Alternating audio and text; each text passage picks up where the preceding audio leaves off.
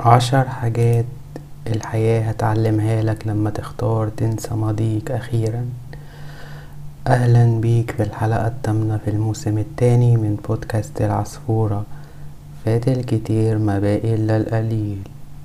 بدون مقدمات ولا حوارات سوف نتكلم عن عشر حاجات الحياة هتعلمها لك لما تختار تنسى ماضيك أخيرا. بما إن مفيش مخلوق ملوش ماضي في ناس ماضيها كان عادي وناس ماضيها كان صعب. ايا كان ماضيك أو موقفك أعتقد إن الفقرة دي راح تعجبك. أول حاجة ورقم واحد هتلاقي سعادة في ذاتك عمرك ما هتلاقيها في شخص تاني أو ظروف حياتية تانية. طول عمرنا متعودين إننا ندور على السعادة في العلاقات والوظائف والمواقف الحياتية إلى آخره. في النهاية السعادة الحقيقية هتلاقيها جوه نفسك انت وبس. جوه خالص تحت كل الوشوش اللي بتلبسها والشخصيات اللي بتلعبها في أعماق أعماقك. بس البحث الأعمى عن السعادة في الحاجات اللي انت فاكر إنها ممكن تقدم لك السعادة هيخليك تحس إنك فاضي ومش مبسوط. أول ما تفهم إنك انت فعلا بتتحكم في السعادة بتاعتك هتلاقي إن صعب تتمسك بحاجات أو ناس ممكن يهددوا السعادة بتاعتك. اتنين هتقدر تفكر في تجارب الماضي وتسامح نفسك على الغلطات اللي ارتكبتها. كلنا عندنا ماضي ممكن نبقى فخورين بيه أو مش فخورين بيه بس ما نقدرش ننكر إنه حصل. بعض الدروس كانت أصعب من بعضها وبعضها كان سهل. في جميع الأحوال كل الدروس دي كانت جزء أساسي في تكوين شخصيتنا اللي إحنا عليها النهاردة. لو فضلت متمسك بغضبك على نفسك على الحاجات الغلط اللي عملتها عمرك ما هتفتح الباب للسعادة. انت تستحق السلام النفسي في حياتك بس لازم الأول تغفر لنفسك. تلاتة هتتعلم كل الحاجات اللي بتخليك سعيد وهتساعدك تسعى وراء شغفك في الحياة. أول ما تبدأ تتخلى عن ماضيك أخيرا هتبدأ لا شعوريا إنك تفتح عقلك لحاجات جديدة. يمكن تبدأ تكتشف حاجات أنت بتحبها زي السفر أو العوم والرسم الكتابة الموسيقى إلى آخره. على الأرجح معظم الحاجات المثيرة دي كانت بتشدك وتلهم روحك من وأنت صغير. بس الناس والحياة أجبروك إنك تنكرها وتدفنها في حتة بعيدة وتتجاهلها.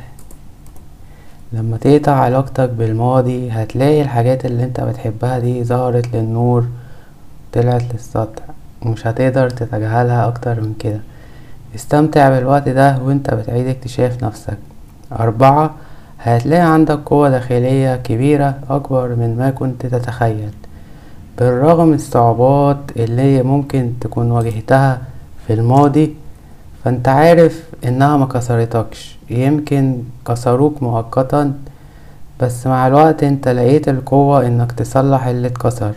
ومع كل فشل في الحياة بتيجي فرصة انك تقوي نفسك عشان تتخطى الظرف اللي حاول يكسرك. خمسة هتتعلم هتتعلم تسامح الناس اللي جرحوك في الماضي وهتحمد ربنا على الدروس اللي اتعلمتها منهم. زي ما انت محتاج تسامح نفسك على أخطاء الماضي انت كمان محتاج تسامح الناس. سهل جدا إنك تفضل بتكره الشخص اللي غلط فيك بس انت كده بتضر نفسك لإنك بتسمح للشخص ده إنه يسرق لحظات السعادة اللي انت تستحقها. مش عدل إنك تعمل في نفسك كده. تاني السماح والنسيان هيخلوك تحس بسلام نفسي.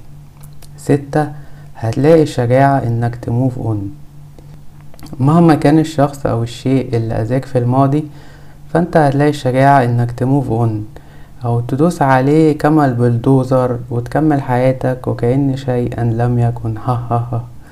تماما كده زي قوتك الداخلية شجاعتك الداخلية دي هتظهر في اللحظة اللي أنت قربت خلاص تستسلم.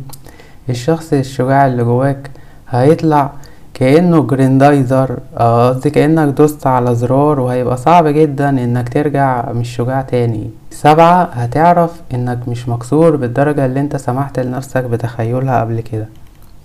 أنت هتصحى في يوم وهتعرف إن الوقت الصعب اللي مريت بيه من كام سنة كانت مجرد خطوة كبيرة عشان تكون الشخص اللي أنت عليه النهاردة. أنت جمعت أجزائك المكسورة وركبتها تاني وده شيء مستحيل حد ياخده منك. تمانية ماضيك لا يحدد مستقبلك أو الشخص اللي أنت عليه النهاردة أو هتكونه في المستقبل. سيب ماضيك في الماضي لأنه ملوش لازمة في مستقبلك. الوقت بيشفي كل الجروح صح؟ بس ده مش معناه إنك هتنسى كل حاجة أنت مريت بيها كأنها ما حصلتش. محدش طلب منك كده. بس انت المفروض على الأقل تحاول تاخد ايا كانت الدروس اللي اتعلمتها معاك للمستقبل. بطل تبص وراك وركز في الطريق اللي قدامك. تسعة وجهة نظرك هتتغير في حاجات كتير. التخلص من الطرق القديمة السلبية في التفكير هتفتح عقلك لطرق أفضل بكتير. هتلاقي نفسك بتتعلم حاجات جديدة عن الدنيا أو يمكن تعيد تعلم حاجات معينة وده عادي. هتلاقي نفسك عايز تشوف وشوش جديدة تكتشف أماكن جديدة ودايما بتحافظ على عقلك الشكاك اللي دايما بيفكر يا ترى الدنيا فيها إيه كمان. غذي الرغبة دي بس خلي بالك ما تخليش فضولك يسوقك إنك تفتح على نفسك أبواب من الأفضل إنك تسيبها مقفولة. ها. مش بس وجهة نظرك في الدنيا هتتغير لكن كمان وجهة نظرك في نفسك هتتغير. عشرة هتبدأ تحب نفسك من أول وجديد. كأنك بتحب نفسك لأول مرة. التخلص من الماضي أو نسيانه أو إنك تسيبه في حاله يعني إنك تتخلص من كل حاجة وقفت في طريقك وما كانتش بتخدمك ولا بتضيف قيمة لحياتك سواء ده كان شخص أو مكان أو وظيفة إلى آخره بل إنها ممكن تشمل كمان السلبية والتفكير السلبي خاصة بخصوص إزاي أنت بتشوف نفسك. بالنسيان هتتعلم إزاي تتكلم بطيبة أكتر مع نفسك هتبطل كل الكلام السلبي مع نفسك وهتبدله بكلام إيجابي وتوكيدات إيجابية. ومع الوقت هتبدأ تحب نفسك فعليا وهتفهم إنك بتتحول تدريجيا للشخص اللي أنت دايما كنت المفروض تكونه من زمان. شكرا للاستماع إلى هذه الفقرة وإلى اللقاء في الفقرة الجاية بعنوان خمسة وعشرين حقيقة شيقة لم تعرفها من قبل عن نفسك وفقا لعلم النفس. ولا بلاش أتكلم عن أهدافي في العلن لحسن أتحرق. خمسة وعشرين حقيقة شيقة لم تعرفها من قبل عن نفسك وفقا لعلم النفس. أوكي. فقرة لطيفة بعد المعركة اللي حصلت في الحلقة اللي فاتت والخروج عن النص زيادة عن اللزوم. حاجات مكنتش تعرفها عن نفسك بعض الحقائق الغريبة من علم النفس. عايز أسألك سؤال. هو أنت عارف نفسك كويس قد إيه؟ ممكن تبقى عارف أكلتك المفضلة؟ نوع اللبس اللي بتفضله الوجهة السياحية المفضلة وزنك وطولك. ممكن تبقى عارف هتتصرف إزاي لو حصلت موقف معينة بس هل دي كل حاجة؟ هل تعرف عقلك بيشتغل إزاي؟ هل تعرف إزاي عقلك بيأثر في مزاجك وسلوكك وتصرفاتك؟ لحسن حظنا بمساعدة علم النفس العلماء اكتشفوا حقائق نفسية مثيرة هتسمح لك إنك تفهم نفسك أكتر بكتير. علم النفس هو دراسة عقل وسلوك الإنسان وبيشمل جوانب كتيرة من التجربة البشرية. أيوة يا عصفورة أنت جاي تقول لنا الكلام ده في الحلقة التامنة وأنت طول الوقت بتتكلم عن علم النفس. افهم بس الحقائق السيكولوجية دي مش بس صادمة وغريبة دي كمان سحرية وهتستمتع وانت بتتعلمها. خمسة وعشرين حقيقة شيقة لم تعرفها من قبل عن نفسك وفقا لعلم النفس. لو عايز تعرف نفسك أكتر فانت بتسمع الفقرة الصح. الحقائق السيكولوجية دي هتساعدك تخلي حياتك أسهل وهتسمح لك تكون أحسن في كل حاجة في حياتك في شغلك في علاقاتك وتطوير نفسك. الحقائق اللي انت دي ما تعرفهاش عن نفسك وبتنطبق تقريبا على معظم الناس هتعلمك تفهم نفسك أحسن من الأول. وانت غالبا أول مرة تسمعها. بدون مط وتطويل في وقت الفقرة هنبدأ بأول حقيقة وبتقول الحاجات الإنسانية بتحركنا. كبشر كلنا عاملين زي الروبوتات بس من لحم ودم وبتحركنا ست دوافع أساسية. أولا الحب. إحنا عايزين نحب ونتحب ثانيا النمو إحنا عايزين نطور من نفسنا ونكون حد تاني. نفس الشخص بس على أفضل. ثالثا الأهمية إحنا عايزين نحس إننا مهمين في الحياة مهمين بالنسبة للناس لنا تأثير عليهم كلمتنا مسموعة. رابعا المساهمة إحنا عايزين نساهم بشكل إيجابي في حياتنا وحياة الناس وفي الحياة عموما. خامسا اليقين. إحنا محتاجين إن إحنا نكون متأكدين من الحاجات حوالينا. وسادسا وعلى النقيض عدم التأكد برضو بيحركنا. عشان إحنا محتاجين نكون متأكدين ونلغي الشك من حياتنا. نظرية الاحتياجات البشرية بتقول إن هي دي القوى الخفية اللي بتحرك أفكارنا ومشاعرنا وسلوكنا وتصرفاتنا. اتنين التوتر معدي. التوتر ممكن يبقى معدي جدا. البحث كشف إن إحنا ممكن نحس بالتوتر لو في شخص متوتر حوالينا. يعني لو أنت قاعد مع حد متوتر أنت كمان هتتوتر. وعشان كده أنت محتاج تكون حريص في اختيار الناس اللي بتقضي وقتك معاهم. تلاتة حجم المعلومات مهم. إحنا عايزين نعرف ونتعلم حاجات مختلفة بس واحدة واحدة. سهل علينا إننا نعالج ونفتكر أجزاء صغيرة من المعلومات. يعني إحنا نقدر نفتكر تلات أربع حاجات في نفس الوقت. بس أكتر من كده بنهنج. بس لو قدر المعلومات أقل من كده بيكون عندنا فضول إننا نعرف أكتر. أربعة الريجكشن أو الرفض بيكون مؤلم جسمانيا مش نفسيا بس. عقلنا بيحس بألم حقيقي لما حد يرفضنا. في دراسة حديثة لقت إن مخنا بيتعامل مع الرفض الاجتماعي بنفس الطريقة اللي بيتعامل بيها مع الألم الجسماني. يعني فعلا لما الجو بينفضلك كأنه بالظبط خبطك بحاجة وبتحس بنفس الألم. خمسة الخسارة أقوى من المكسب.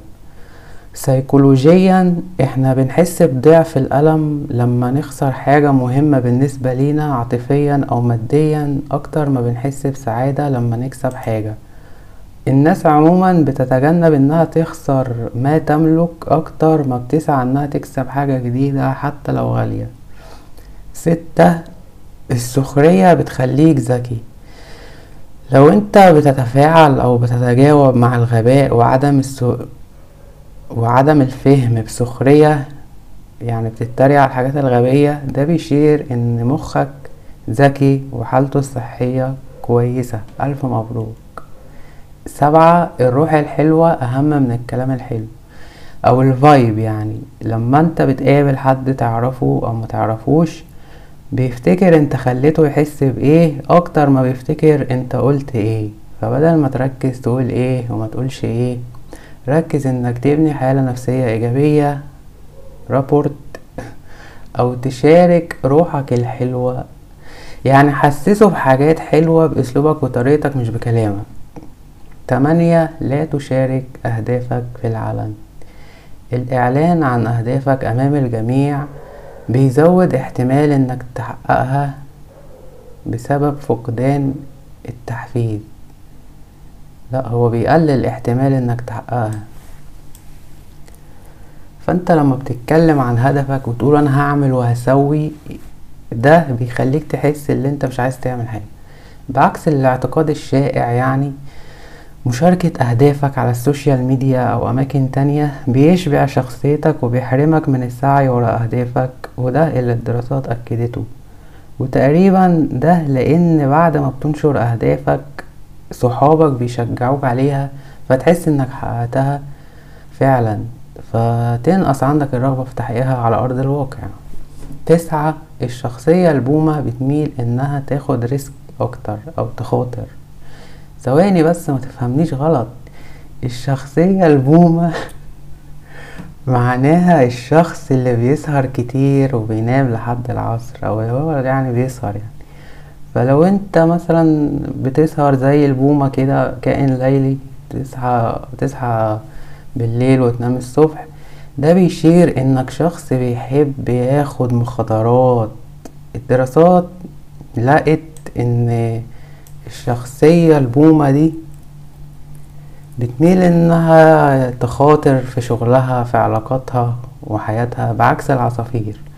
والعصافير هما الناس عكس البومة اللي هما بيناموا بدري وبيصحوا بدري. ملهمش علاقة بالناس اللي بتسمع بودكاست العصفورة. في الواقع العصفورة بتاعتنا مستوحاة من تويتر وملهاش علاقة بالصحيان بدري. المهم الدراسة كمان لقت إن الستات اللي بيسهروا بيكونوا عندهم حس مخاطرة أعلى من الرجال ومستعدين يخاطروا أكتر من الرجال. عشرة أغنيتك المفضلة بتكون سياقية.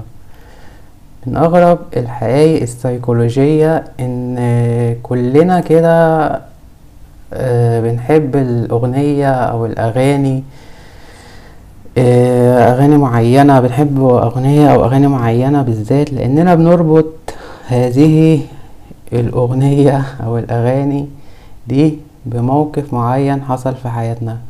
الدراسات لقت إن الموسيقى اللي بنفضلها بتكون مرتبطة بسياق معين جدا ومعرضة إنها تتغير في لمح البصر. حداشر المالتي تاسكينج أو إنك تركز في أكتر من حاجة في نفس الوقت آه، وهم.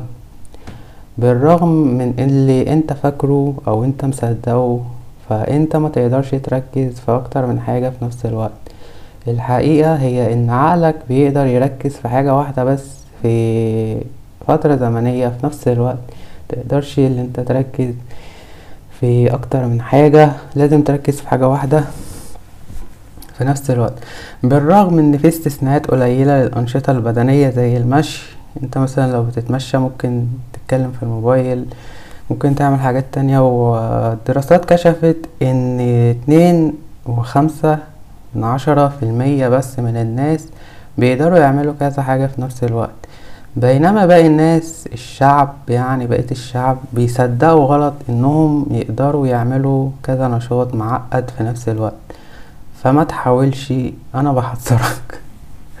أنا بحذرك. ما تحاولش تعمل كذا حاجة في نفس الوقت عشان صحتك. وأنت بتسمع بودكاست العصفورة ما تجيش تمسك لي شاكوش ولا منشار وتقعد تدقلي في المسامير ولا تسوق العربية وتركز معايا وتعمل حادثة. أنا بخلي مسؤوليتي من دلوقتي.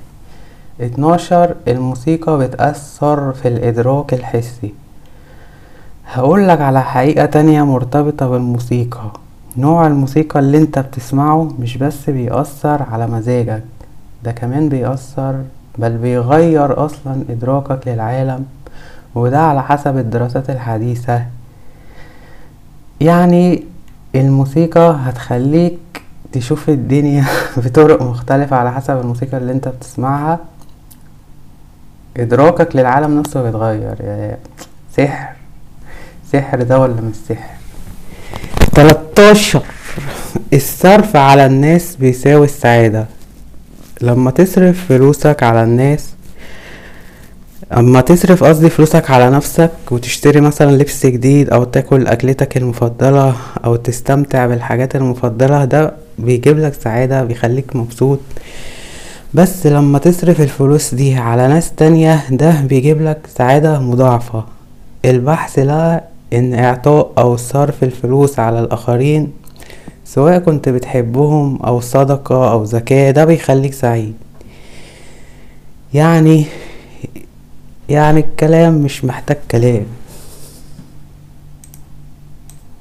أربعتاشر الحب عامل زي الوسواس القهري.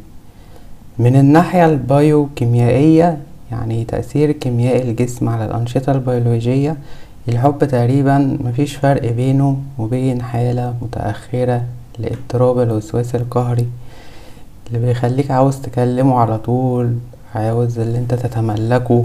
دايما خايف لا يضيع منك. هو الحب عامل زي الأستاذ الكهري خمستاشر الإنفاق على التجارب بيخلينا أسعد. ودي تقريبا أغرب معلومة سيكولوجية عنك. لو أنت مصدق إن شراء حاجات جديدة هيخليك مبسوط تبقى غلطان. الدراسات بتقول إن سر السعادة هو إنك تصرف فلوسك اللي كسبتها من عرق جبينك على التجارب بدل الممتلكات المادية. يعني مثلا لما تصرف فلوسك على سفرية ده هيخليك أسعد من إنك تصرفها على شراء موبايل جديد. ستاشر ال trolls على النت نرجسيين. عارف أنت الشخصية اللي بتتصيد الأخطاء على النت أو على ال social media؟ هو ده ال troll اللي بيعمل كومنتات سامجة كده. العلم بيزعم دلوقتي إن متصيدين الأخطاء دول أو ال troll ممكن يكونوا سايكوباتيين ميكافيليين وساديين وكمان نرجسيين. في دراسة في علم النفس بتقول إن في ارتباط قوي بين سلوك تصيد الأخطاء على الإنترنت وما يعرف بالمثلث الأسود اللي هو صفات شخصية زي السادية والسيكوباتية والنرجسية والميكافيلية.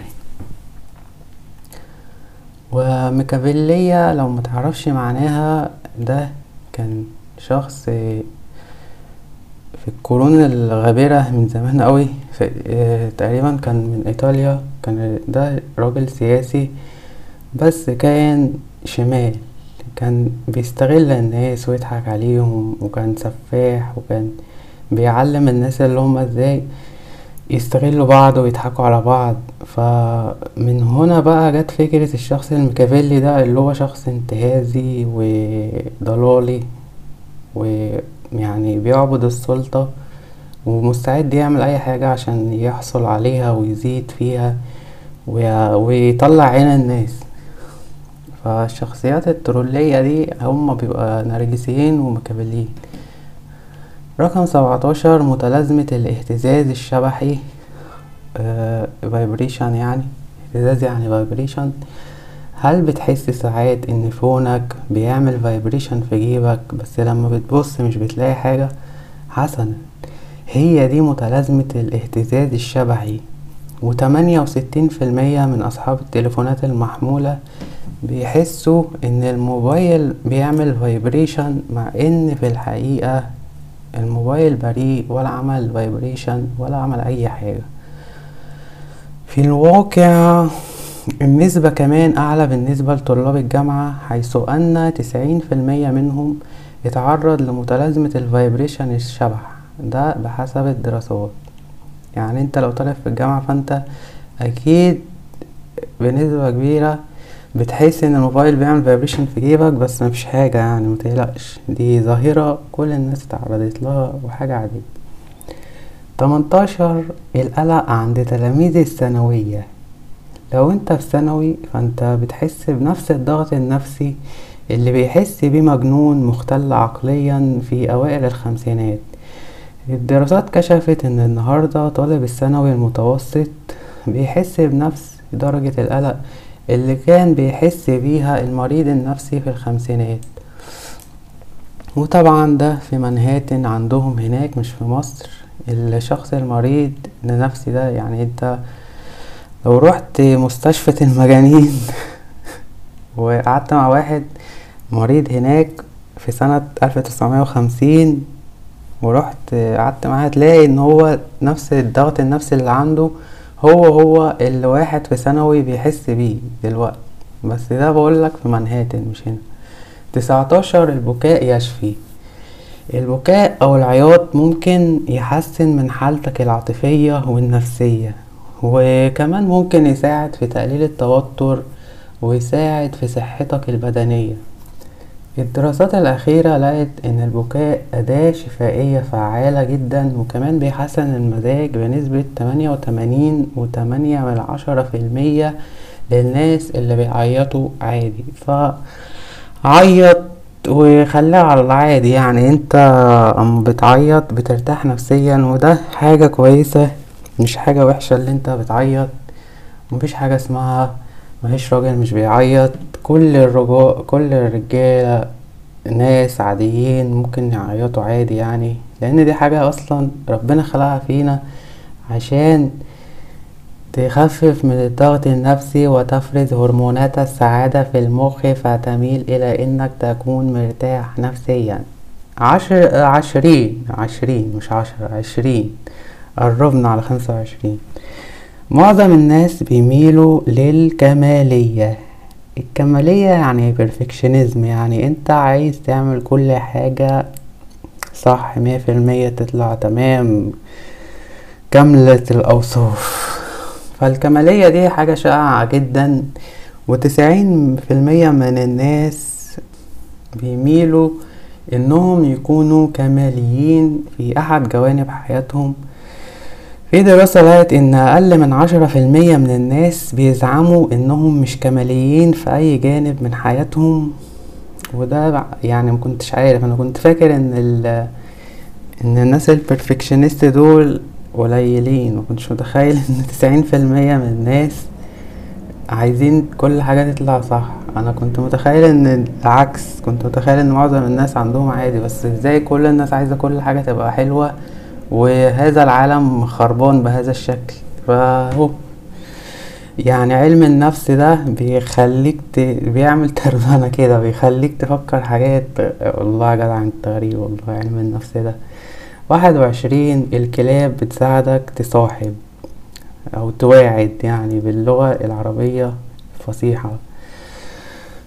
هو انت بتحب الكلاب؟ صديق الإنسان الوفي ممكن يساعدك تقابل الشريك الرومانسي المناسب ليك. استطلاع رأي بيقول وده برضو استطلاع رأي في منهاتن يعني ما تاخدش إن الكلام ده يعني في مصر فاهم؟ أنا بجيب الكلام وبترجمه يعني ما تاخدش في بالك فاهم؟ استطلاع الرأي بيقول إن اتنين وتمانين في المية من الأفراد بيميلوا إنهم يحسوا بالثقة في الاقتراب من شخص جذاب من الجنس الآخر لو معاهم كلب. فاهم؟ يعني أنت لو عايز تصاحب عاوز تقابل بنات عاوز تقابل ولاد لو عندك كلب أليف ممكن اللي هو يخليك تفتح كلام معاهم يخليك تقرب منهم كده يعني. اتنين وعشرين الشتيمة بتخليك أمين. الشتيمة دي يعني أنت بتحب تستخدم ألفاظ خارجة في كلامك بتحب تشتم يعني. لو كده فانت ممكن تبقى شخص صريح وأمين. في دراسة منشورة بتقول إن الأشخاص اللي بيحبوا يشتموا أو بيستخدموا الشتيمة في كثير من الأحيان على الأرجح بيكونوا أمناء ومش بيكذبوا كتير. تلاتة وعشرين الوقت بيبطأ. الانخراط في تجارب جديدة وفعل حاجات جديدة ممكن فعلا يبطأ غريزة الوقت عندك ويخليك تحس إن الوقت بيجري أسرع. زي ما أنا وأنا بكتب السكريبت ده حسيت إن الوقت بيطير ويمكن أنت بتحس بكده لما تسمع البودكاست. ودي كلنا جربناها. الوقت الحلو بيجري بسرعة ومعروفة يعني بس أخيرا علم النفس أثبتها بالدراسات والتحاليل. أربعة وعشرين قبل الأخير الخبرة بتخلينا مغرورين. أه لما بنصدق إننا موهوبين جدا في عمل حاجة ده بيخلينا نحس بتواضع أقل بيخلينا متمسكين برأينا مغلقين. في دراسة كشفت إن الإحساس بالخبرة ممكن يخلينا دجمائيين. ويعني متمسكين برأينا لدرجة الإيمان الأعمى وحازمين وغير متسامحين ومقاومين لأي أفكار أو مبادئ جديدة. وده يمكن بيفسر قد إيه الناس الخبرا دول يعني بيتهزقوا بكل محفل بيروحوه. لازم تلاقي الخبير ده quote unquote the expert فيمكن عشان هو خبير وإحنا مش فاهمين حاجة فهو تحس اللي هو بيكلمك من فوق يحسسك اللي انت قليل مثلا أو مش فاهم حاجة وانت لازم تسمع كلامه. وللأسف إن إحنا برضو كده في ناس كتيرة عشان عارفة معلومتين يعمل لك فيها أبو العريف خمسة وعشرين العشب اخضر على الجانب الآخر لل social media. إحنا بنميل اننا نصدق على ان الناس على ال social media عايشين حياة وردية أكتر مننا. الدراسة بتقول ان معظمنا بنقارن حياتنا بحياة الناس على ال social media في كل حاجة بطريقة مش عادلة. وعامة بنصدق انهم عايشين حياة جميلة وهادية بس في الحقيقة ممكن تكون حياتهم حياة عادية زي و... زي وزيك. بس هي السوشيال ميديا بتخلينا نحس ده على حسب علم النفس. بتخلينا نحس إن الحياة حياتهم أحسن مننا مع إنه ممكن يبقى عادي بس إيه إحنا برضو بنقارن بين حياتنا وحياتهم فبس كده الحياة العجيبة دي أنا نفسي أول مرة أسمعها. وبس أنا عن نفسي كنت عارف رقم تمانية علشان حصلت لي كذا مرة. فقول لي أنهي أكتر واحدة علقت معاك. ونلتقي في الفقرة التالية. الأحلام الجلية نقطتين فوق بعض الشفاء أثناء نومك. هذه الفقرة برعاية أحمد عادل دوت بلوج. ماذا لو استطعت أن تنتصر على مخاوفك تقهر العوائق النفسية وتطلق التوتر العاطفي والبدني أثناء نومك؟ مع الأحلام الجلية هذا ممكن. طور علماء النفس تقنية الأحلام الجلية لمساعدة المرضى النفسيين للتعامل مع فقد أحبائهم. فعندما كان يشعر الشخص المريض نفسيا بفقدان شخص عزيز عليه بسبب الموت هذا يقوده إلى حالة نفسية سيئة. فاخترع علماء النفس هذه التقنية لمساعدة المرضى في التواصل مع أحبائهم الموتى في أحلامهم أثناء النوم. تطورت فكرة الأحلام الجلية منذ ذلك الوقت وأصبحت ممارسة يمارسها الناس لعدة أسباب. وأنت أيضا ممكن تجرب قوة الأحلام في الشفاء. الأحلام الجلية ممكن تساعد في علاج اضطراب ما بعد الصدمة بما فيهم الجنود السابقين وضحايا الهجمات الإرهابية والأفراد الذين عانوا من سوء معاملة أثناء الطفولة. الأحلام الجلية أيضا ممكن تشفيك من الكوابيس بس للناس المنفتحين على فكرة إن الكوابيس هي طلب للمساعدة مش هجوم من عقلهم الباطن. الكثير من المواقف التي رفضناها بعقلنا الواعي أثناء اليقظة يتم الإلقاء بها في سلة مهملات العقل الباطن حيث تتعقد مع الوقت لتظهر لاحقا على هيئة مشاكل وأمراض نفسية. لكن الأحلام الجلية تعطينا فرصة للتفاعل مع تلك المواقف. في مكان آمن نعلم مسبقا إنه لا شيء هناك يستطيع أن يؤذينا. وهكذا نعالج تلك الأجزاء المظلمة من عقلنا قبل أن تتفاقم وتتحول إلى اضطرابات نفسية. لو استطعنا أن نتفاعل بحب مع تلك الأجزاء في أحلامنا التي نجدها مرعبة أو مخيفة سوف نستطيع أن نأخذ خطوات كبيرة لعلاج القلق الذي غالبا يتم إعادته في حالة يقظتنا إرسال الحب والأحضان والطيبة والانطلاق والمغفرة أثناء حالة الحلم قد يؤدي إلى استيقاظنا بشعور مختلف عن اليوم السابق. بينما يبدو أن حل المشاكل النفسية أثناء النوم يبدو سهل الفهم لأن الأحلام الجلية هي مملكة العقل فعلاج المشاكل البدنية ربما يبدو كضرب من الخيال ولكنه ليس غريبا كما يبدو. يوجد الكثير من الدراسات والأمثلة عن الشفاء التخيلي مثل أن يرى الأفراد أنفسهم أصحاء بالأنوار الملونة ويساعد في تقليل التوتر تقوية المناعة وتقليل الألم في المرضى. الرياضيون والمؤديون أيضا يستخدمون التخيل لتحسين مهاراتهم. تلك التقنيات تعتمد على القدرة على التخيل ولكن ذلك الأمر ليس سهلا للجميع. لكن في الحلم الجلي الملعب مفتوح للجميع لأن الحلم الجلي هو أكثر التخيل وضوحا وكمالا نستطيع أن نجربه. تطبيق نفس تقنيات الشفاء التخيلي داخل الحلم الجلي قد يفوق قوة التخيل في حالة اليقظة. يؤمن أتباع الأديان أن العقل يكون أقوى سبع مرات في حالة الحلم الجلي. عندما نحصل على الجلاء نستطيع استخدام تقنيات مثل التوكيدات الإيجابية والشفاء العملي وتخيل أنفسنا في صحة كاملة. يقول الكاتب إنه كان يرتدي النظارة قبل أن يقال له في حلم إن لديه مشكلة في النظر.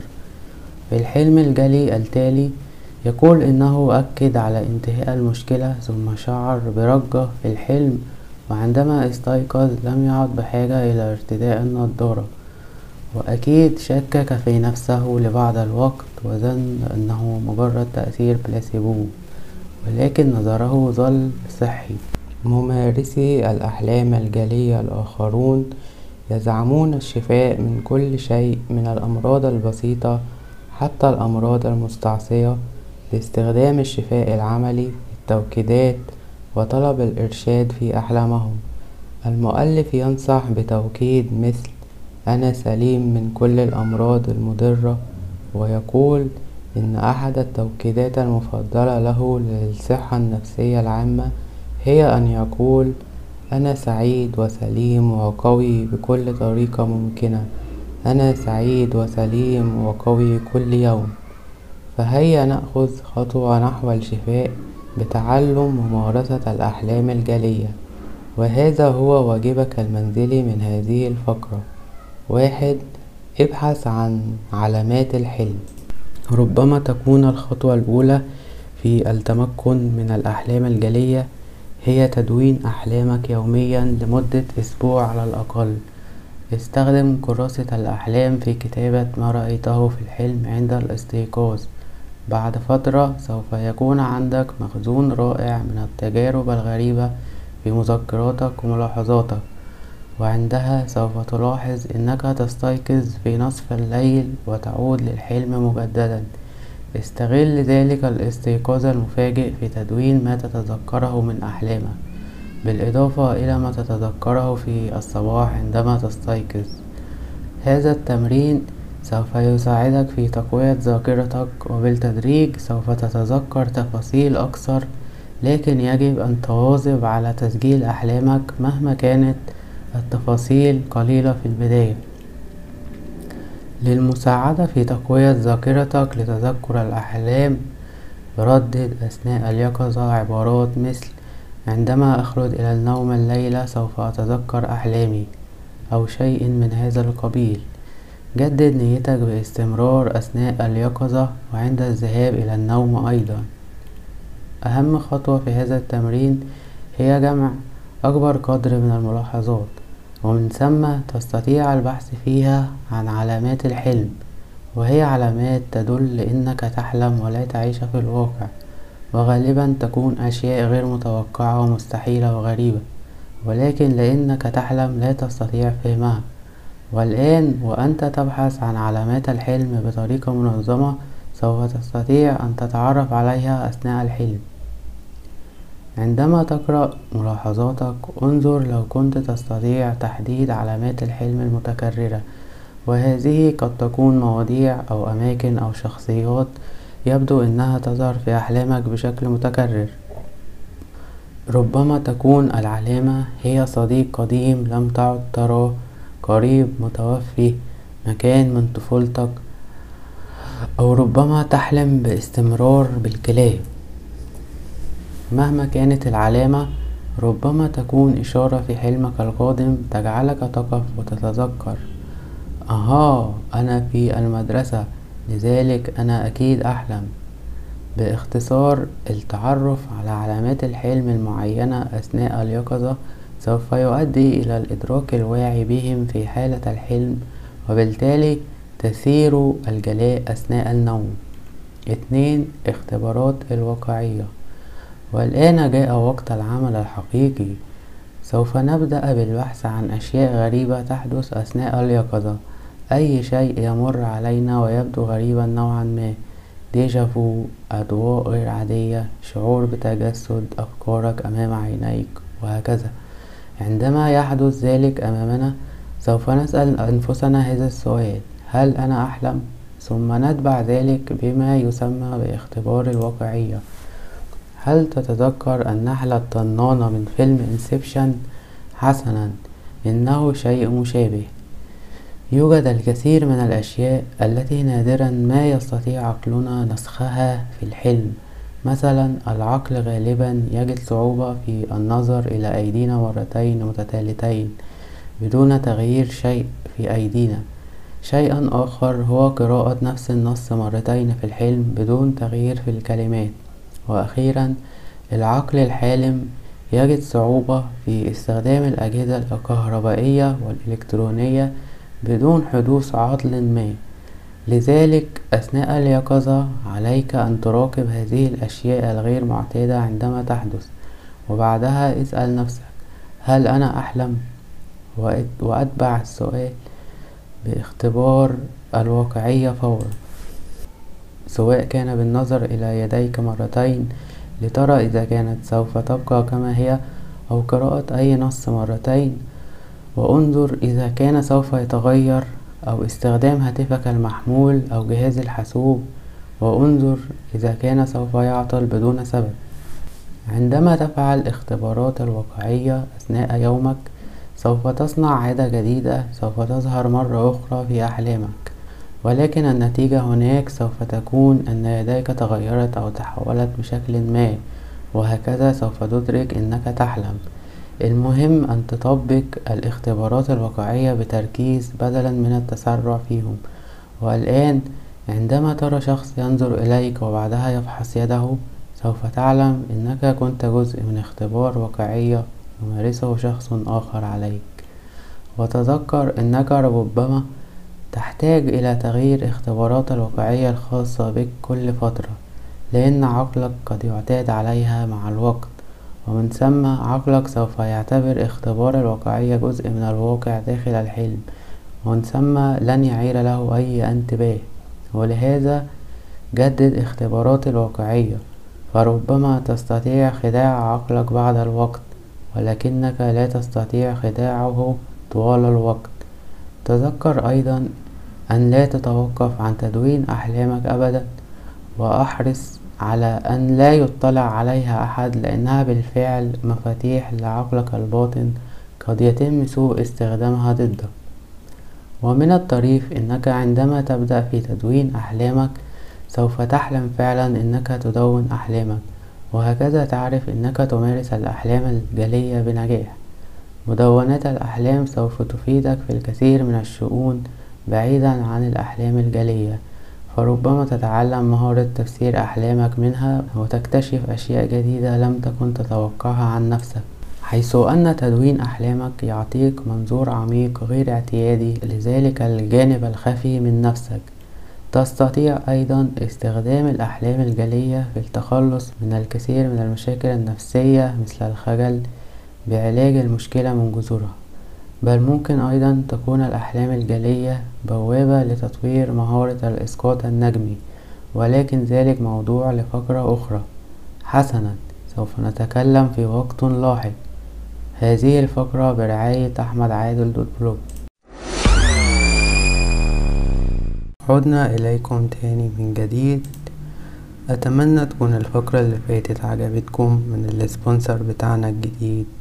اللي هو أنا يعني مش حد غريب. عايز أعرف رأيكم هل اللغة العربية الفصحى أفضل ولا الكلام بالعامية؟ عصفورة أنت بتقول إيه؟ محدش بيسمعك أصلا. يا عم عادي أدينا بنجرب. وبنشوف هل اللغة العربية الفصحى أحسن ولا الكلام بالعامية يعني مش لازم اللي أنت تقطم فيا. طيب يا صديقي زي ما انت شفت كده عنوان الفقرة هو خمس نصائح تربوية من الأفضل أن تتجاهلها. بس قبل ما أخش في الموضوع عايز أشارك معاك حاجة تانية. لأن في دراسة بتقول إن النوستالجيا أو الحنين للماضي ممكن يحميك من الألم البدني. أيوه زي ما سمعت. زي ما اتكلمنا في فقرة عشر حاجات الحياة هتعلمها لك لما تختار تنسى ماضيك أخيرا إحنا عرفنا إن الماضي ممكن يبقى مؤلم مليان تجارب وحشة. بس ساعات النوستالجيا بتجلب راحة مفرحة. النوستالجيا حنينك للماضي. كلنا بنحب نسترجع ذكرياتنا الجميلة أو أيام الخوالي كل حين ومين. وده طبعا بيثير السعادة وبيحسن مزاجنا وساعات بيخلينا نواجه الحياة بطاقة وحيوية وبس بقى هل النوستالجيا دي ليها فوايد جسدية حقيقية؟ في دراسة بتقول أيوه. الدراسة اللي عملتها الأكاديمية الصينية للعلوم بتقول كده والدراسة دي بتقول إن المتطوعين تم إعطائهم مثير حراري. الإثارة الحرارية دي ساعات بتكون مؤلمة يعني ممكن يكونوا مثلا خلوهم يمسكوا حتة حديدة سخنة ولا لسعوهم بكبريت يعني. وفي نفس الوقت تم عرض صور من طفولتهم لإثارة الحنين للماضي وحطوا قدامهم صور من أيام الطفولة وتم الطلب منهم إنهم يقيموا درجة الألم اللي حسوا بيه من الإثارة الحرارية دي أو اللسع يعني اللي هما بيلسعولهم أثناء ما هما بيبصوا على صورتهم وهم أطفال. الباحثون لاحظوا إن الإحساس القوي بالحنين للماضي وفر نوع من تخفيف الألم بالنسبة للمتطوعين وده كان واضح جدا لما مستويات الألم المحددة للدراسة كانت منخفضة. بس الراحة اللي نتجت عن النوستالجيا ما كانش ليها تأثير كبير قوي لما مستوى الألم زاد وزودوا عليهم النار. الباحثون بيظنوا إن ده لأن شدة الألم العالية استخدمت طاقة عصبية أكتر من موارد المخ. فالمخ مقدرش اللي هو غير إنه يركز في الألم بس يعني. بس كل ما كان المشتركين كان إحساسهم بالحنين للماضي أقوى كل ما كان الألم أخف. وده اللي قاله الباحثين في ورقتهم البحثية اللي نشروها على موقع العلوم. ولسه مخ الإنسان مغارة كلها أسرار هنعرفها أكتر في بودكاست العصفورة. فإيه رأيك كل ما تحس إنك تعبان أو مخنوق تطلع ألبوم صورك القديمة وتتفرج عليها؟ ممكن ده يخفف الألم فعلا ويخليك تفتكر الذكريات الحلوة فتتحسن شوية.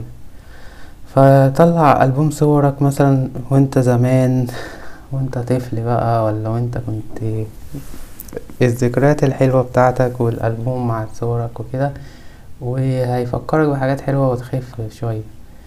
نرجع بقى لمرجوعنا وعنوان الفقرة الأساسي. خمس نصائح تربوية من الأفضل أن تتجاهلها. بصراحة كنت عايز أعمل فقرة عن قانون الجذب وقد كان وكنت برضو عاوز أعمل فقرة عن التربية. ومفيش فرصة أفضل من دي إني أعملها ويمكن كمان تكون آخر فقرة في الحلقة التامنة ونقفل الحلقة بيها على أن نلتقي في الحلقة الجاية التاسعة. فدلوقتي في نصايح تربوية كتير موجودة في كل مكان في الكويس وفي الوحش وفي اللي ما ينفعش ببصلة. وكمان في مئات من الكتب والمدونات بتحتوي على نصائح متناقضة ويمكن كمان هما اللي بيقولنا مش إحنا اللي بنروح لهم. فالفقرة دي هتركز على خمس نصائح اخترناهم من مواقع متفرقة. خمس نصائح ملهمش لازمة أو على الأقل منفعوش مع المؤلف. فتعالوا نشوف بيقول إيه. وعلى فكرة هو ده كلام واحد كتبه وأنا عملت له ادابتيشن فمصرته أو عربته. فممكن تلاقي حاجات غريبة عديها وكبر دماغك واحد اعطي ابنك الاختيار. ابنك أو بنتك وأنا برضو هتكلم كأن الكلام ده على نفسي وأنا عندي ابنين. فعشان تبقى فاهم القصة ماشية إزاي. وممكن بقى أنت تطبقه على نفسك بقى أنت مهما كانت ظروفك إيه يعني. بس أنا عشان أنا بكتب أو بقرأ أو بقول كلام فلازم يبقى في قصة وفي حوار داير. من أوله برضه في شخصيات في القصة يعني. انت ممكن تبقى حد تاني خالص بقى غير اللي أنا بحكي عنه. بس الافكار اللي في الحلقة أو في الفقرة دي هتلاقيها ممكن تكون بتنطبق عليك. تخيل تخيل معايا عزيزي المستمع. واحد اعطي ابنك الاختيار ابنك أو بنتك بقى أو انتي أو انت أو انتو. الفكرة منطقية. ادي لابنك وهم الاختيار وهيحس إنه مستقل حتى في الحاجات اللي مفيهاش هزار. مثلا ممكن تقول تحب ترتب أوضتك قبل ولا بعد حكاية قبل النوم؟ الترتيب هيحصل كده كده بس بالطريقة دي هيحس إنه ليه اختيار في المسألة. حتى ليه دي يعني ممكن تبقى حاجة مهمة. أنت عايز يرتب الأوضة وهتحكي له حكاية فاسأله بقى انت انت كده كده هو هيرتب الأوضة. فانت بقى بتسأله عايز بقى ترتب الأوضة قبل ولا بعد؟ ما احكي لك الحكاية. فهو مفيش قدامه بقى اللي هو هيقول يا قبل يا بعد فاهم؟ هو كده بيفتكر بقى ان هو. ليه قدرة على الاختيار. بس انت اللي اديته الاختيارين أصلا من الأول. أنا استخدمت الحركة دي كذا مرة ونفعت معايا بس مش دايما بتنفع. مثال أنا كنت بجيب ابني من المدرسة وكنت عايز أعدي الشارع وما كانش عايز يمسك إيدي عشان هو عنده ثلاث سنين وكبر على الكلام ده. فسألته تحب تمسك إيدي بالراحة ولا جامد؟ فبصلي في عيني وقال لي أنا مش عايز أمسك إيدك أصلا. هنا بقى المشكلة؟ عشان هو لازم يمسك إيدي خاصة إن الدنيا زحمة وأولياء الأمور بيركنوا على الرصيف والهرج والمرج هو سيد الموقف. وفي برضو لو سألت ابني هل هو عايز يرتب اللعب بتاعته قبل ولا بعد الأكل أنا متأكد إن رده هيكون إنه مش عايز يرتب اللعب أصلا. فأنا ممكن أحور في الكلام زي ما أنا عايز وأديله اختيارات وهمية كمان بس الطريقة عمرها ما هتنفع لو هو مش عايز يعمل الحاجة دي أصلا. يمكن الطريقة دي كانت بتنفع لما كان صغير بس أول ما ابني اتعلم يقول لأ فهم إنه يقدر يختار إنه ما يشتركش في الاختيارات الوهمية اللي بديهاله لأ وكمان أنا أصلا متردد. فلو حد فضل يعرض عليا اختيارات كتير ممكن أتجنن. مش ممكن ده أكيد. اتنين نام لما البيبي ينام. ودي نصيحة مشهورة. غالبا بتظهر لما يكون البيبي بتاعك لسه مولود وانت مش شايف قدامك من التعب في مشكلتين في النصيحة دي. اولا بتفترض إنك عندك طفل واحد فالفكرة لما إن لما المولود ينام أنت كمان تقدر تفصل شوية إلا إذا كان عندك طفل صغير عمال يجري في كل حتة ومحتاج إشراف فكده هيبقى مستحيل.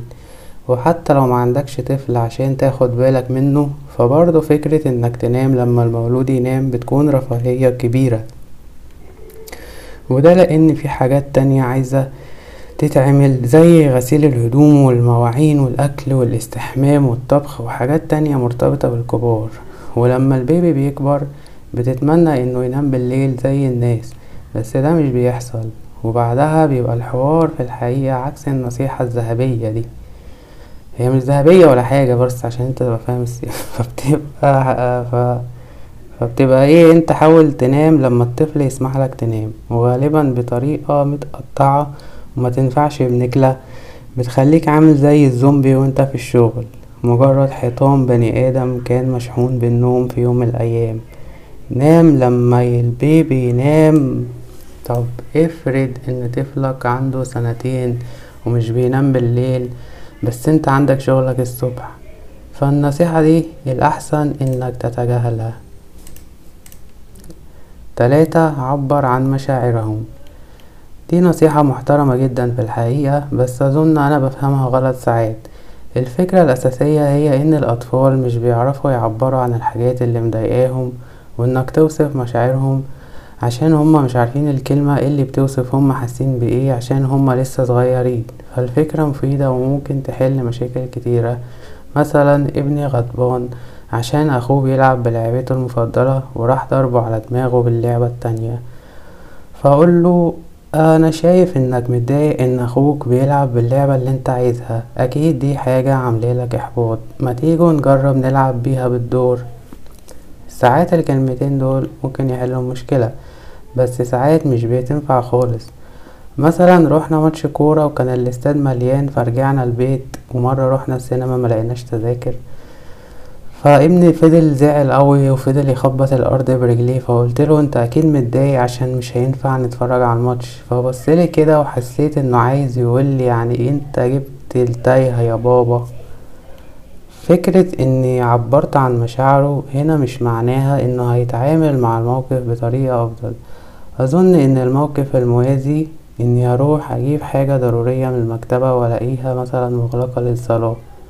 مثلا يعني وبأمانة أنا كمان هضرب الأرض برجلي وممكن أعيط. مرة كنت بحاول أهدي ابني فقلتله أنا عارف إنك متضايق فصرخ فيا ولا أنا مش متضايق أنا هشيت طيب ماشي. في اللحظة دي جالي إحساس إن نزولي لمستواه زي ما النصيحة التربوية بتقول وإني أعيد صياغة شعوره في كلماتي. أنا حسيت إنه كان نوع من التعالي وفعلا ملوش داعي. لو أنا نفسي كنت متضايق وحد قال لي الكلام ده هبقى عايز أخبطه بحاجة في وشه. يعني لا يعني يعني هتضايق أكتر. فأيوة طبعا عبر عن مشاعرهم وكل حاجة بس دي نصيحة تربوية ممكن تتجاهلها. خمسة خمسة إيه؟ أربعة ضع ابنك ياخذ زمام المبادرة. أنا مش فاكر قريت النصيحة دي فين بس مش بحسها متوافقة مع أسلوبي في التربية. يعني أنا مش هسيب عيالي يقرروا ميعاد النوم ولا إزاي يقضوا وقت الفراغ أو هناكل إيه على العشاء لأن الإجابة دايما هتكون نلعب جيمز وناكل بيتزا كل يوم كل ليلة. بس ده مش معناه إني مش بسألهم ساعات عايزين ياكلوا إيه خاصة لو إحنا خارجين. أو ساعات بسألهم عايزين يعملوا إيه في أجازة نص السنة. بس مش هينفع ياخدوا زمام الأمور ببساطة كده عشان بياخدوا قرارات غبية. يعني ممكن يسهروا الوقت متأخر ممكن ياكلوا أي حاجة يعني يرمرموا كده من غير توقف. مش هيعملوا الواجب ولا هيرتبوا سرايرهم. هو ده عادي وطبيعي لأن هم أطفال أصلا مش مدركين حاجة. فأنا مينفعش أفكر إنهم هيكونوا مسؤولين وعشان كده مينفعش أسيبهم يسيطروا على على أمورهم. وغير كده هما أصلا ممكن يلاقوا إن دي حاجة متعبة. يعني أنا نفسي بلاقي إن اتخاذ قرارات سليمة وإدارة الأمور كشخص ناضج حاجة متعبة. يمكن الأحسن إننا نسيبهم يعيشوا طفولتهم وإحنا نعيش سننا ونحط لهم روتين مناسب وصحي وكل واحد ينام على جنب اللي يريحه. خمسة اعتز بكل لحظة. في لحظات كتير أوي ممكن نعتز بيها وكل حاجة بس مش كل لحظة يعني مظنش تغيير البامبرز مثلا لحظة صعبة أعتز بيها. الصراخ والسويت والعياط على حاجات تافهة بالنسبة لي بتبقى لحظات صعبة أوي إن أنا أعتز بيها. الكلام مع أولياء الأمور عن حاجات بنساها بمجرد ما المقابلة بتنتهي التبول اللا إرادي مصاريف الولادة مثلا. في لحظات كتير غير قابلة أصلا للاعتزاز بيها بس ده برضك مش معناه إنك مش بتحبهم. ومع إن لو كان حد قال الكلام ده وأنا قلقان من المستقبل هبصله شذرا بس فعلا السنين اللي أطفالنا بيكونوا فيها صغيرين بتمر بسرعة الصاروخ.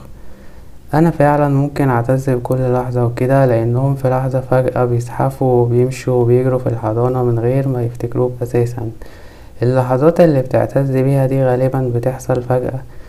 في يوم برد لما تقعد تتفرج على فيلم معاهم ويقعدوا معاك على حجرك أو يحضنوك أو لما يقولوا حاجة مضحكة أوي أو كبيرة على سنهم فتبهرك حاجة بسيطة. هل نعتز بكل لحظة؟ لا طبعا. بس اللحظات دي أيوه أكيد. هي اللي بتحافظ على سلامتنا العقلية الساعة تلاتة بالليل لما منكونش عارفين ننام أو لما يعملوا مصيبة في السوبر ماركت. وفي النهاية إحنا لينا ظروف مختلفة تماما ولازم نلاقي طريقة خاصة بينا ونعمل اللي علينا لعائلتنا النصائح التربوية حاجات ممكن نسمعها ونتجاهلها بسهولة لو مش مناسبة لينا أو نجربها بعد كده وبعد كده نبطلها لو ما بقيناش محتاجينها. وفي نصائح تربوية محترمة جدا. اختار ونقي الأجزاء المفيدة زي بوفيه تربوي وابذل كل ما في وسعك عشان تنام مرتاح. وأخيرا وليس بآخرا شكرا على حسن الاستماع إلى هذه الفقرة. والتربية دي عالم تاني. يستحق مش حلقة يستحق بودكاست لوحده.